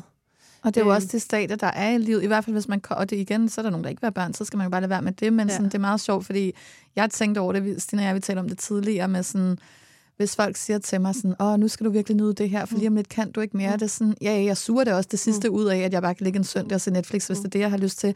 Men det er jo det, jeg gerne, det er jo det, jeg glæder mig til også, at komme yeah. væk fra. Jeg glæder mig da til, det har været fantastisk. Jeg har haft en lang, dejlig ungdom med masser af egotid. Mm og jeg er færdig med det. Altså mm. sådan, og jeg så det godt være, når man lige har en travl periode, med, at det vil være fedt lige at få sådan en dag igen. Men, mm. men du har kun brug for et par timer ja, af det, så er man faktisk klar til sit liv igen. Ikke? er jeg faktisk sådan, det giver mig ikke særlig meget mere. Jeg, jeg, sådan, jeg glæder man mig til den der det. mening ja. med mm. livet, om mm. at få det der ekstra. Mm. Så når folk siger det lidt som sådan en advarsel, jeg er sådan, det er meget sjovt, fordi det er, det, jeg, det er jo det, jeg glæder mig til. Ja. Jeg glæder mig ja. til at opleve livet mm. gennem min datters øjne mm. og have hende med til ting. Jeg ser det ikke som en begrænsning på nogen måde. Nej. Jeg ser det som noget, jeg sådan glæder mig til at opleve og lave og få det her øh, den her hverdag ja. og skulle tidligt op ja. og ud og lave og altså sådan ja. Og noget, der er fedt, hvis jeg ikke har nævnt, som jeg virkelig synes er noget, faktisk er noget af det bedste ved moderskabet, ud over selve børnene, det er det, børnene trækker en ud i. Forstår Altså på den positive måde. Ja. Jeg har veninder, som jeg har fået, fordi jeg har mødt dem via mine børn. Mm. Kammerater eller veninder. Ja. Øh, og det synes jeg også er sjovt, fordi når man har en vis alder, som du også har, der har man jo de venskaber, man har, ja. man har de relationer, man har. Og øh, så som en ting som ud på strøget, så kommer du gående med din datter nogle tre år, så hun bare står og kigger på en eller anden, der står, hvor du står og tænker, ej, jeg står der kan jeg kigge ting, så møder nogen, jeg kender. Mm. Og så står I bare og kigger på noget, og hun synes, det er det fedeste, ja. at der er en eller anden klovn, der står på midt på strøget i København. Og du synes faktisk, det er mega pinligt. Det kan jeg huske i starten, når min datter stoppede der. Det er hele tiden, de trækker en ud i ting, eller øh, så vil de helt vildt gerne øh, i svømmehallen, hvilket jeg faktisk hader, men selvfølgelig gør man det, når man skal i svømmehallen, så står man der ikke? med 700 andre i et eller andet brusebad, der er beskidt. Du ved, der er bare så mange ting, og sådan ja. med, så ender man... Men man så, nyder det, fordi de nyder det. Lige præcis. Ja. Og så, men det med relationerne, det er også det vil sige, dels at man egentlig udvikler sig som menneske, fordi man kommer ud af det, man egentlig selv vil have mm. valgt. Jeg har fået veninder igennem min børns vuggestue, øh, rigtig gode relationer gennem børnenes børnehave, øh, skoler, øh, fritidsinteresser, ja. hvor man jo får nogle relationer til nogle mennesker, man ikke vil have mødt, hvis ja. ens barn ikke kan gå til Ej, fodbold. det er så rigtigt. Det er mega fedt. Ja. Det er mega fedt. Der synes jeg bare, at jeg har været heldig at møde rigtig mange spændende ja. øh, kvinder, virkelig spændende kvinder, øh, som man både kan have gode dialoger med, og nogle af dem ser man så mere end andre. Ja. I, ind i min børns klasse har vi sådan en morklub, altså hvor igen vi mødes. Det er så det, jeg prøver. Jeg vil godt have, det er morklub med børn. Det diskuterer vi så lidt. Der er ja. nogen, der hellere vil have det om aftenen uden børn. Men stadigvæk mega fedt, ja. at man har. Så, så det synes jeg også er, ja. er spændende. At, øh, og netop det med, at man ikke kun spørger sig selv hele tiden, okay, jeg vågner morgen, hvad vil jeg? Men det der hele tiden at tænke i vi, fordi man nu er mere end sig selv forever. Mm-hmm. Det kan jeg også huske, det vil du opleve, når du får et barn eller du får din datter. Så jeg husker, der gik to dage, så tænkte jeg, goddammit, det, du ved, altså hun var der ja. jo hele tiden, ja. datter. det er jo hele tiden, ikke? Ja, hun det er, er bare, bare forever, ja. og det vil være for altid. Ja. Så selvom at børnene bliver større, og deres behov for deres mor selvfølgelig forandrer sig løbende, så er man stadigvæk mor. Ja. Ikke? Og går tingene galt, så er man stadigvæk den, der er der. Så, ja. så det er forever. Men helt klart det der med, at det er meningsfyldt, og der er som mennesker, som kvinder, noget udvikling i, og, og relationer igennem ens børn. Cool fact a crocodile can't stick out its tongue. Also, you can get health insurance for a month or just under a year in some states. United Healthcare short term insurance plans, underwritten by Golden Rule Insurance Company, offer flexible, budget friendly coverage for you. Learn more at uh1.com. Ryan Reynolds here from Mint Mobile. With the price of just about everything going up during inflation, we thought we'd bring our prices down. So to help us, we brought in a reverse auctioneer, which is apparently a thing. Mint Mobile unlimited premium wireless. Ready to get 30, 30, bit to get 30, bit to get 20, 20, 20, bit to get 20, 20, bit to get 15, 15, 15, 15 just 15 bucks a month. So, Give it a try at mintmobile.com/switch. slash $45 up front for 3 months plus taxes and fees. Promo for new customers for limited time. Unlimited more than 40 gigabytes per month slows. Full terms at mintmobile.com. Hiring for your small business? If you're not looking for professionals on LinkedIn, you're looking in the wrong place. That's like looking for your car keys in a fish tank. LinkedIn helps you hire professionals you can't find anywhere else, even those who aren't actively searching for a new job but might be open to the perfect role. In a given month, over 70% of LinkedIn users don't even visit other leading job sites. So start looking in the right place. With LinkedIn, you can hire professionals like a professional. Post your free job on linkedin.com slash people today. Here's a cool fact a crocodile can't stick out its tongue. Another cool fact you can get short term health insurance for a month or just under a year in some states. United Healthcare short term insurance plans are designed for people who are between jobs, coming off their parents' plan, or turning a side hustle into a full time gig. Underwritten by Golden Rule Insurance Company, they offer flexible, budget friendly coverage with access to a nationwide network of doctors and hospitals. Get more cool facts about United Healthcare short term plans at uh1.com. Du sagde noget, øhm, inden vi gik i gang, som jeg synes var virkelig, virkelig sådan også et godt tip, det her med, og for lige at tage den tilbage til måske der, hvor vi nogle gange, øhm, måske særligt som kvinder, har for travlt med at kigge på hinanden, når vi egentlig gør hele opgaven mere mm. stresset og besværlig, mm. end den behøver at være. Mm. Det der med, at vi kigger meget ud i dag og glemmer mm. at kigge ind ja, af. Ja. Og det der med at finde tryghed i, det er klart selvfølgelig, når man har børn, skal der nogle gange ske mm. nogle aktiviteter, og man finder på nogle mm. ting at lave, særligt hvis man har ferie og sådan noget. Men min mor, hun siger øh, meget til mig, og hun fortalte mig om en gang, hvor at hun så et eller andet indslag i nyhederne, hvor der var en eller anden, jeg tror, der var en børnepsykolog sat på, det var under en eller anden skoleferie, og da han kommer på, sidder han i pyjamas, hvor hun tænker, okay, godt nok er det lidt spøjs, nogle gange sådan nogle psykologer, men det var da alligevel lige sådan lidt, øh, lidt, lidt loose at sidde der i pyjamas. Men det viser så, at hele hans pointe var, at vi skal huske, når børnene har weekend eller mm. ferie eller sådan noget, altså sådan, de, har, de vil bare gerne være med dig. De vil bare, mm. altså, det er også fint at have en dag derhjemme mm. hele dagen i pyjamas, fordi de har jo også en travl hverdag ja. ude. Tøffetid. Og bare, ja, og ja, bare sådan hygge sig med deres mor. Og som du mm. siger, så sidde op på køkkenbordet og se mm. på hende lave mad, eller vaske mm. op og lige få en god snak, og så kan man lave noget dagen efter. Det er klart, mm. det bliver også kedeligt på et tidspunkt, men bare det der med også at huske, Altså, jeg tror, der er mange, der sætter meget høje forventninger til sig selv, fordi nu skal vi ud og lave alt det her, alle andre mm. laver på Instagram. Og ja. Men det er jo også, fordi vi som mennesker er resultatorienterede. Ja. Altså, vi skal hele tiden videre, vi skal hele tiden ja. Excel. Og opnå noget. Ja, men det behøver vi ikke. Og ting skal have et formål. Ja, ja. og som mm. du også siger, sådan, der tror jeg, det er sådan et godt tegn for jer begge to, sådan at finde ro i, jamen i dag, der, vi, der hygger vi bare. Mm. Altså, man behøver ja. sikkert gøre det så Men det, igen, det tror jeg generelt. Jeg tror ikke bare, det er sådan en enkelt ting. Jeg tror, det der med at søge ud for at finde svaret. Øh, nogle gange så følger man jo nogen, enten fordi de er kendte, men også fordi man mener, de har nogle, altså, en god filosofi, mm. eller det, de sælger, eller kan være lækkert, eller et eller andet, hvor man følger nogen for at finde inspiration. Så man nogle gange, når man føler sig usikker, så vil man netop kigge på andre. Mm. Sådan er det jo alle livshensener. Og der, der synes jeg bare igen, at jeg tænker også med alle de der mom-blogs og ting, der er, at man hele tiden søger ud for at finde svaret på, hvad skal jeg gøre, når jeg er gravid? Hvad skal jeg gøre, når jeg har født? At nogle gange er svaret altså lige her, mm. det er inde i en selv. Mm. Øh, og det gør nogle gange mere forvirret, så hvis man virkelig er i tvivl, så vil jeg hellere rådføre mig med en fagperson, altså ja. en sygeplejerske, en jordmor, en, en læge, og så sige, okay, jeg er virkelig fortvivlet over det her, kan du give et godt råd? Og så ja. vælge at tage et råd fra en, man virkelig stoler ja. på. Det kunne også være ens mor eller ens søster ja. omkring noget. Hvad gør jeg med det amning? Det, det er dybt fortvivlet. Ja. I stedet for at søge for meget ud, for alt for meget information, gør bare, at man bliver mere usikker. Ja, det skaber bare mere øhm, forvirring. Rigtig meget forvirring. Og det er der jo med alt. Altså, også med træning og rigtig meget med efterfødsel. Og det, det synes jeg, det er jo det, jeg kan se fra, jeg fik mit første barn til at have fået mit sidste barn, det er, at der er kommet endnu mere. Mm. Og igen, der er masser af positive ting at sige om sociale medier, og, og jeg finder også selv rigtig meget inspiration med indretning og opskrifter og alle mulige andre ting, øh, hvor det er helt klart positivt. Men det, der er ulempen ved de sociale medier, det er jo, at der er nogen, der ikke har uddannelse inden for det, de laver, og så deler de en hel masse viden, som er decideret forkert. Og det er der rigtig, rigtig meget af, blandt andet også med delte mavemuskler, som rigtig mange går op i efter fødsel, som er blevet den helt nye trend, mm. eller har mhm. været de sidste par år. Og det er jo ligesom ulempen. Så er man i forvejen den usikre gravid, så kan man virkelig fare vild og føle, at man er helt håbløs, fordi der er så mange forskellige råd. Så det der med at finde ro. Øh, ja. ja. Og en sidste ting, som jeg også jeg ved ikke, om det er helt relevant for det, vi taler om, men en anden ting omkring det der med tid og finde mening, en af de ting, jeg også drøfter med mange øh, kvinder, det er sådan noget med skærm. Det er et helt emne for sig selv, ikke? Oh my god. Ja, det er... jeg skal nok gøre det kort. Nej, men, nej, men jeg, jeg elsker at tale om skærm. Ja. Så men det er fordi, øh, det som jeg, når jeg diskuterer det med folk, det er, altså igen, alle undersøgelser viser jo, at det ikke er godt for børn. Og ja. igen, jeg har hende der børnelægen som veninde, så hun kan komme med lange foredrag øh, om det, hvad undersøgelserne viser, så det kan man jo læse alle steder. Men, men hvad er det, skærmen gør? Det er igen, det er de voksnes behov. Yes. Det er, øh, hvis man hjemme sidder hen ved negledamen, så som mig, øh, forleden dag skulle have orden negle, der vil jeg kunne pacificere dem mm-hmm. ved at sige, de må se en film på min telefon.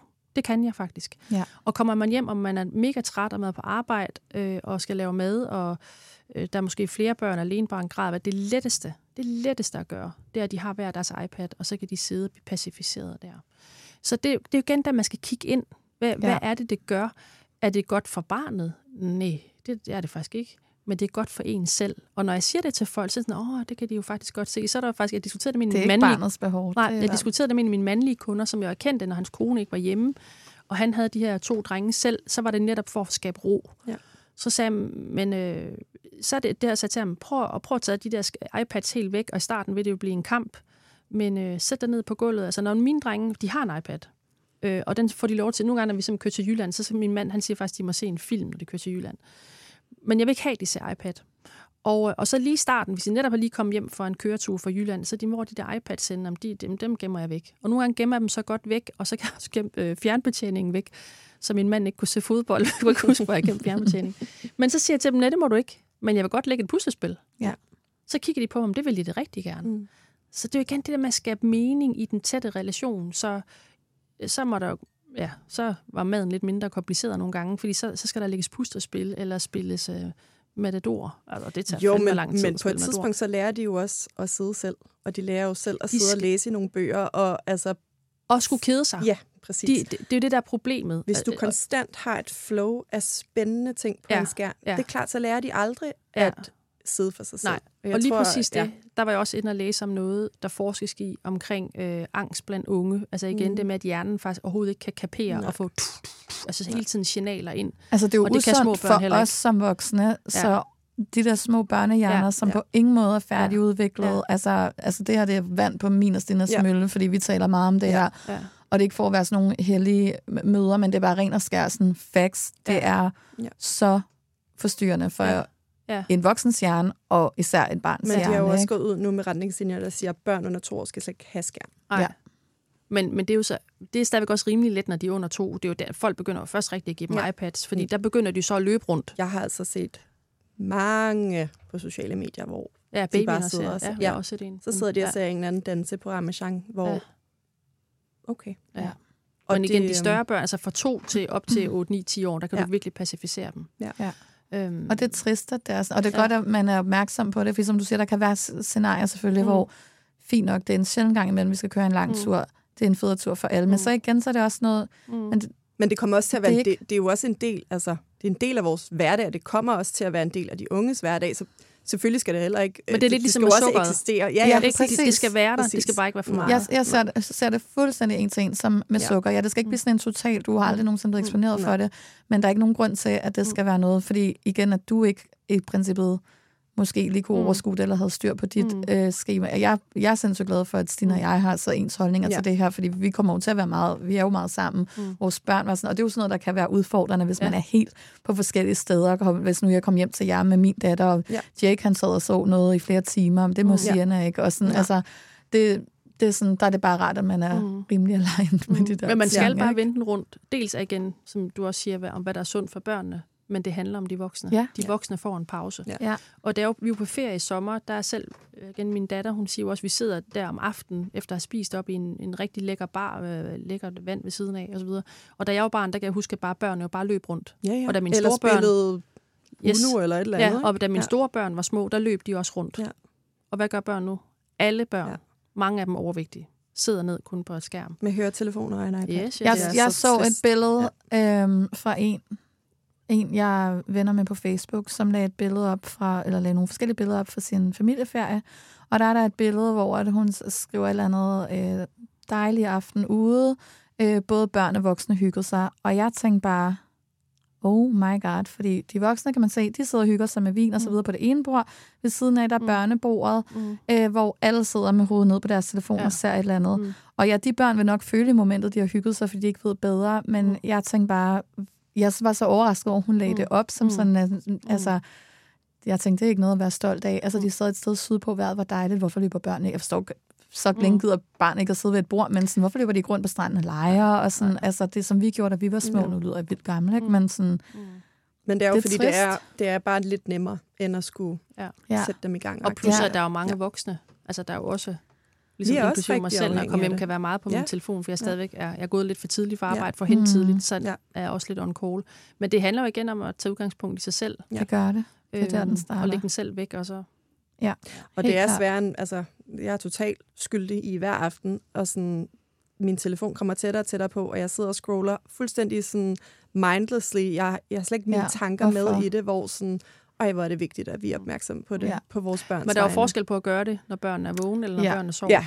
Det er Men stadigvæk, selvom du har store børn, som min dreng på 15. Det er bare stadigvæk heller ikke godt, han sidder i samme Nej. lokale, og så sidder mor og far og kigger ned i deres telefon. Fordi man er ikke nærværende. Nej, det er man bare Og det er heller ikke der, at de begynder at fortælle omkring, hvad der sker i deres liv. Nej. Og, øh, fordi man er bare ikke nærværende. Nej, din telefon er jo vigtigere ja, end ham. det er præcis. Ja. du sidder det er det signal, man sender. Ja. Det er noget, som jeg, jeg virkelig tænker allerede nu, at, at tænke, inden jeg overhovedet blev gravid, når jeg fik børn. Altså, jeg vil virkelig prøve, og igen, nogle gange vil man fejle, men et menneske, men vil virkelig prøve at være mm. opmærksom på, altså sådan, når hun er vågen, og jeg er sammen ja. med hende, så er der bare ikke nogen telefon fremme. Mm. Altså så, som du siger, okay, når de er puttet om aftenen, og hvis man lige har brug for at tjekke op mm. på et eller andet, selvfølgelig så har man sit moment der, man er et voksen menneske. Mm. Men det der med at sådan virkelig prøve at være eller mindful Eller hvis man facetimer sin familie, der bor i udlandet, eller et eller andet. Nok, altså, det, er jo, det har et formål. Der, er også nogle, sådan... der kan også være nogle rigtig gode sociale ting ved ja. en, en, en telefon eller en iPad. Ja. Altså for eksempel at holde kontakt med folk, der er langt væk. Ikke? Jamen, det, det, det et, et eksempel for dig er, fordi at, at stort set alle hans bedsteforældre bor i enten USA eller Australien. Ja. Der er det jo en tradition, at, at hans øh, farmor, øh, hun læser, hun ham læser der er en ja. app på, Nå, på iPad, hvor hun kan læse bog for ham over. Ja, kæmpe shout-out til Caribou, hedder det. Caribou, ja. det er simpelthen... Vi kan altså, link til det. Det har rent faktisk et formål, og det er en måde for, for hende at læse en bog for ja. sit barnebarn, og han hun nyder kan det. føle, at hun kan få lov at være lidt sammen med ham. Og igen er det et begrænset tids, ja. og så resten af dagen er han jo ikke mm. omkring det ja, der. det er jo noget helt andet. Ja, for der er også noget nærvær i det. Og det, det der med, så der kan man, nemlig være nogle gode og noget ting. læring ja, i det. Ja, ja. Ja. Altså, der kom også noget nyt på Disney for nylig, hvor vi satte os ned og så det sammen ja. og lavede popcorn. Men det eksempel, siger de det jo også også, noget andet. Det siger de kloge jo også, at ja. hvis man sidder og ser fjernsyn med sit barn, og kan være der til at ja, sådan, og interagere, hvad sker der? så er det også helt så er det fint. Noget andet. Ja. Men, men, men du har ret, men det er der, hvor man bruger det som at pacificere ja. dem, for lige at gøre sit eget liv nemmere. Ja. Og det er jo det, det, der fylder ja. mest. Men vi klart. bliver jo hele tiden klogere, og jeg vil sige, jeg, jeg begyndte først at rigtig kigge ind i det her for omkring at et års tid siden, jeg sendte dig den. Det kan mm. være, at vi kan finde et uh, link til den podcast. Var det til. Imran Rashid, der alene? Ja, det tror jeg. jeg. Øhm, ja. På et tidspunkt, hvor Jake han havde set masser af forskellige ting på Disney Channel og sådan noget. Altså, vi prøvede at finde sådan nogle ting, der var sådan hans aldersvarende, men der har han jo været halvandet år. Mm. Det har ikke, altså, han har ikke skulle se det der, mm. men jeg vidste ikke noget om det. Mm. Og der lyttede jeg til den der, hvor de blandt andet snakkede om, at der er, jeg tror, det var en stigning på sådan noget 15 procent af danske børn, der har dårligere syn nu, mm. på grund af de her tablets. Ja. Og hvor, meget, hvor skadeligt det kan være for den mm. sådan, nære relation mm. og sådan, deres kommende relationer, fordi du ikke kan interagere med en mm. tablet. Altså, mm. det skal du gøre mm. i øjenhøjde med et andet menneske. Ikke? Mm. Ja. Øhm, hvor der, der sådan, tog vi bare en total kold tyrker, og sådan, så begyndte jeg at undersøge lidt mere i det. Ikke? Øhm, mm. men, men jeg vidste det ikke. Mm. Så sådan, altså, det er vigtigt at Hvor er det bare... Øhm, men jeg tror bare, ja. altså, der er jo også mange gode ting ved den teknologiske udvikling. Ja. Jeg tror bare, det handler virkelig om at, have nogle regler derhjemme, ja. som man som, som mor eller ja. mor og far er enige om, hvad det er. Ikke? Ja. Fordi min, en af mine børn, så da han ikke havde en Nintendo, så alle de andre, Ej, mange i klassen havde en Nintendo, det og så jeg vil også have en Nintendo. Men så er det jo også en social ting. Ja, lige præcis. Ja. Ikke? Så der skal man jo, så skal han jo også have en Nintendo, ja. det fik han. Øh, men igen, så må jeg spille på den hver dag. Nej, det må du ikke. Altså, det med så komme hjem fra skole, ja. og så bare sidde og kigge ned i sin, ja. sin, øh, sin Nintendo. Altså, man ligesom har nogle regler, man er enige ja. om. Men det, det, det der med min pointe også før, det er, det er meget lettere, i stedet for at sige, det må du ikke, men sæt noget andet i stedet for. Ja. Nej, du må ikke spille Nintendo i dag, øh, men vi kan godt spille Ludo, eller ja. hvad de nu gerne vil spille. Fordi ja. så er sådan, ah, okay, men så, ja. det vil de gerne. De ja. vil faktisk gerne relationen. Selvfølgelig. Det der, det der er svært, det er, hvis man så er presset på tid, eller ikke lige har overskud ja. Som voksen, og så er det bare let at give dem ja. et, et noget teknisk, fordi så kan de ligesom være beskæftiget. Men det, og det, som jeg også har, det kan godt måske måske de synes, det er hyggeligt, når de er små. Når de måske bliver lidt større, måske sådan 11-12 år, så kan det jo godt være deres første reaktion, og sådan, øh, ludomor, helt ærligt, det lyder kedeligt. Men når de så begynder at spille, så synes de faktisk, at det, mm. det er rigtig sjovt. Og det er jo det, som jeg også har hørt meget omkring, der med skærm. Altså skærm er jo mm. lidt som junk food. Det, det giver dig en initial, mm. øh, sådan mm. rar følelse, men den var ikke særlig længe. Men selv en på sex, hvor det, du, ja, nej, der kan du ikke se, at spille. Men, så, så men når du vi. så arbejder lidt mere for det, og de mm. rent faktisk sidder og hygger sig, ja, og så, så åbner man skuffen med alle spillene, og siger, du vælger så spillet. Ja. Og så vil han gerne, men ja, han for det kræver, også et par minutter. Ja, og det kræver noget mere, fordi der er den der instant reaktion, når du, når du får junk ja. på en eller anden mm. måde, som vi craver, men den er jo ikke sund long term, hvor det andet, det er lidt mere sådan, at besvær, skal vi til at mm. sætte et brætspil op, og det er også lidt mm. kedeligt. Men når du så sidder i det, så er det jo meget mere hyggeligt. Men så er vi jo tilbage til pointen, vi startede med, det med at have overskud. Ja. Altså, og ville alle flere ting på én gang. Ikke? For det er jo klart, hvis man sidder og har en opgave, man skal løse, mens man samtidig laver mad og lidt eller andet, så er det det let at bare ja. ligesom, give dem en sut, eller det det. ikke det give dem en sut. Altså ja. give dem noget teknisk, som ligesom ja. holder mund, eller gør, ja. de holder mund. Ikke? Og det er også derfor, jeg sagtens skal forstå, at man tyr til den metode ja. en gang, men det kan jeg ja. sagtens forstå. Men der tror jeg også bare, hvis man så gør det nogle gange, så skal man bare være det bevidst. Ja. Jeg tror bare ikke, ligesom med sukkeret, som ja. jeg synes, man også skal have indimellem, øh, i passende mængder, skal man bare bevæge sig. Ja. Men der tror jeg også, som sagt, min dreng har også en iPad, og nogle gange så har vi simpelthen også downloadet et skolespil, hvor man kan lære om bogstaver. Ja. Mm. Øh, så det igen er noget, man sidder og laver sammen, og så kommer ja. bogstaverne flyvende. Jeg så tror også, det er vigtigt, altså, fordi de må heller ikke falde bagud. Altså, nej, fordi det, det er bare en del af mm. vores hverdag, og det ja. kommer til at blive mere og mere. Mm. Ikke? Så det er klart, Men det, det er også det der med, hvis man, har, hvis man har brugt det som en pacificering, for eksempel. Ja. Hvis, hvis det var mig, så vil jeg, når mit barn er puttet om aftenen, reflektere over, hvorfor noget, altså hvad var det, hvordan kan jeg gøre det, strukturere min dag bedre i morgen, mm. så vi ikke, altså, så, vi så det ikke bliver en, ja. en ja. ting, der sker mm. hver dag. Fordi okay, i dag, den fejlede sig lige på alle måder, og jeg gik lidt imod mine ja. egne regler med det her.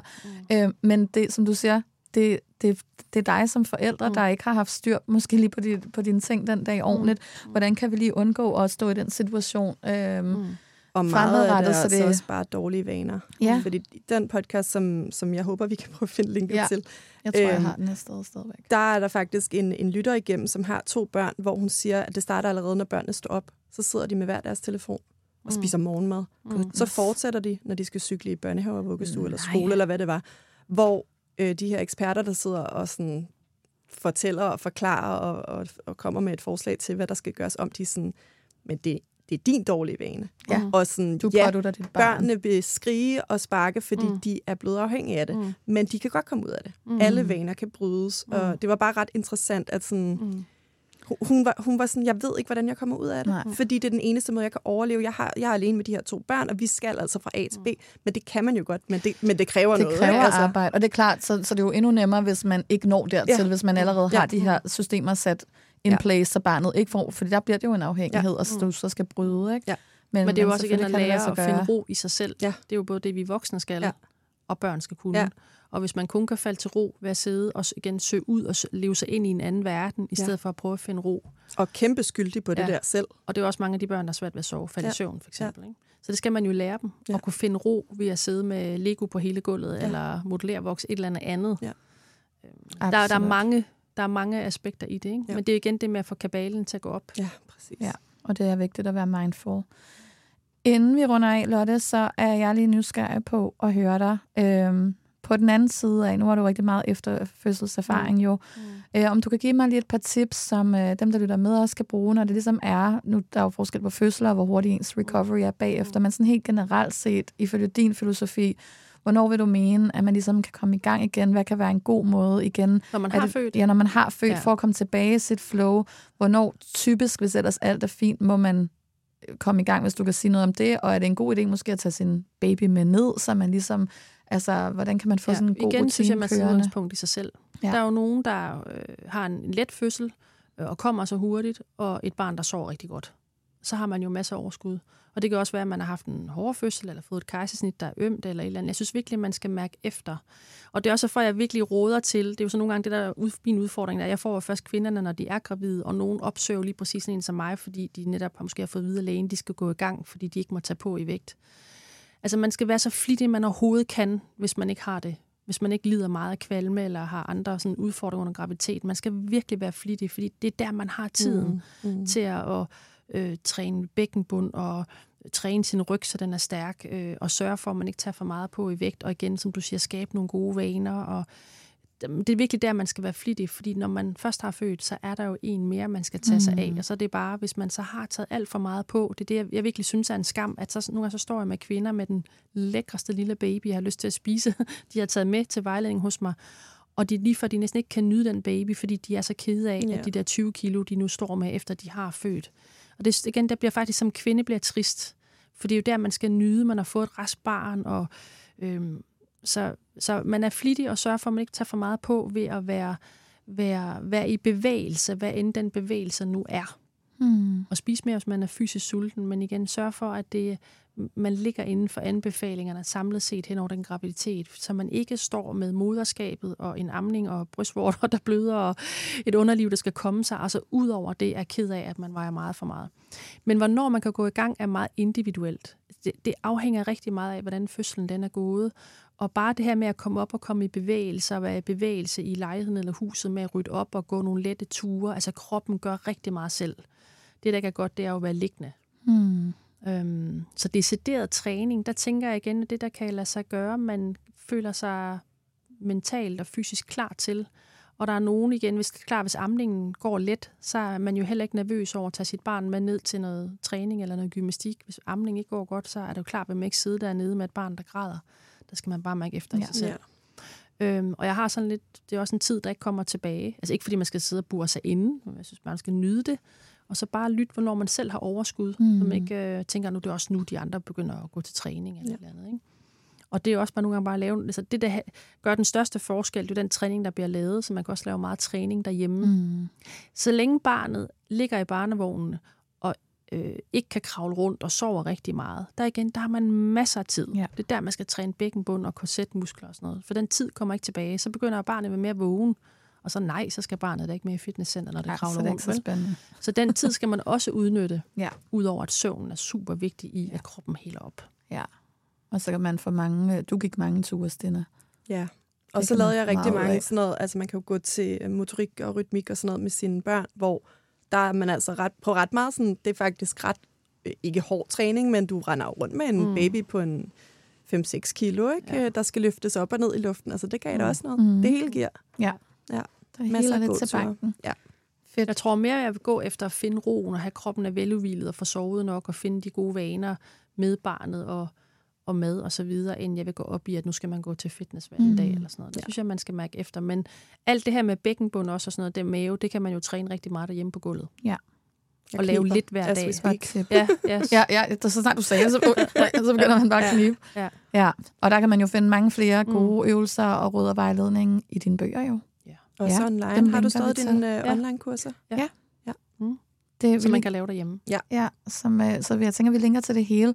Og så her til sidst, så vil vi høre dig, om du vil dele et, uh, et tip, ugens tip, om uh, vores, vi plejer at lave sådan afsluttende motivation tip of the week. Ja.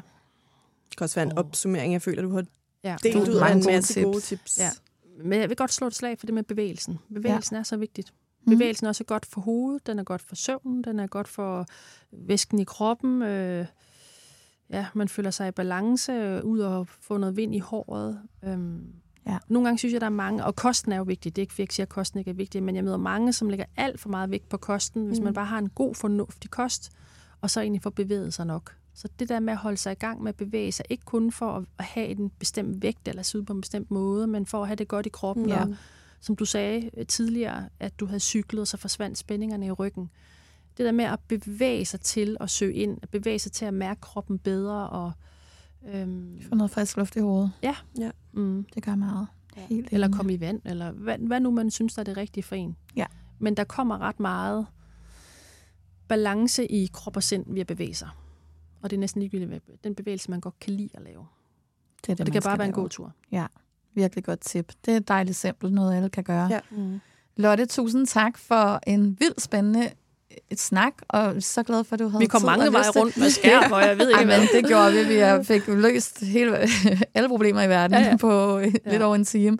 Øhm, vi er så glade for, at du har lyst til at kigge forbi, og vi linker, tænker jeg, både til din hjemmeside og Instagram mm. og alle de her ting, og så øh, vil jeg sige, hvis man gerne vil forkæle sig selv med, med lidt lækkert under sin graviditet, så kan man jo også hoppe ned i Arndal Spa. Læg lidt, nogle mother der er både mother treatments, ja. og mm. der er dejlige øh, jacuzzi, og det ene og det andet, hvor man mm. lige kan øh, lægge lidt der i, løs. være lidt væk i vandet. Det er skønt. Ja. Highly recommend. Mm.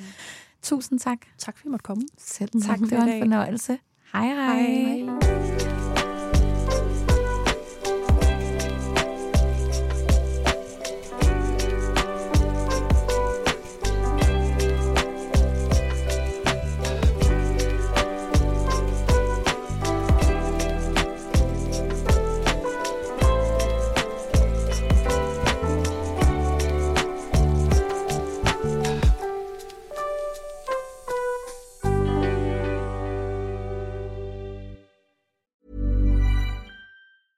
Hey, it's Danny Pellegrino from Everything Iconic. Ready to upgrade your style game without blowing your budget? Check out Quince. They've got all the good stuff shirts and polos, activewear, and fine leather goods, all at 50 to 80% less than other high end brands. And the best part? They're all about safe, ethical, and responsible manufacturing. Get that luxury vibe without the luxury price tag. Hit up quince.com slash upgrade for free shipping and 365 day returns on your next order. That's quince.com slash upgrade. Hey, it's Paige DeSorbo from Giggly Squad. High quality fashion without the price tag. Say hello to Quince. I'm snagging high-end essentials like cozy cashmere sweaters, sleek leather jackets, fine jewelry, and so much more. With Quince being 50 to 80% less than similar brands. And they partner with factories that prioritize safe ethical and responsible manufacturing. I love that. Luxury quality within reach. Go to quince.com slash style to get free shipping and 365 day returns on your next order.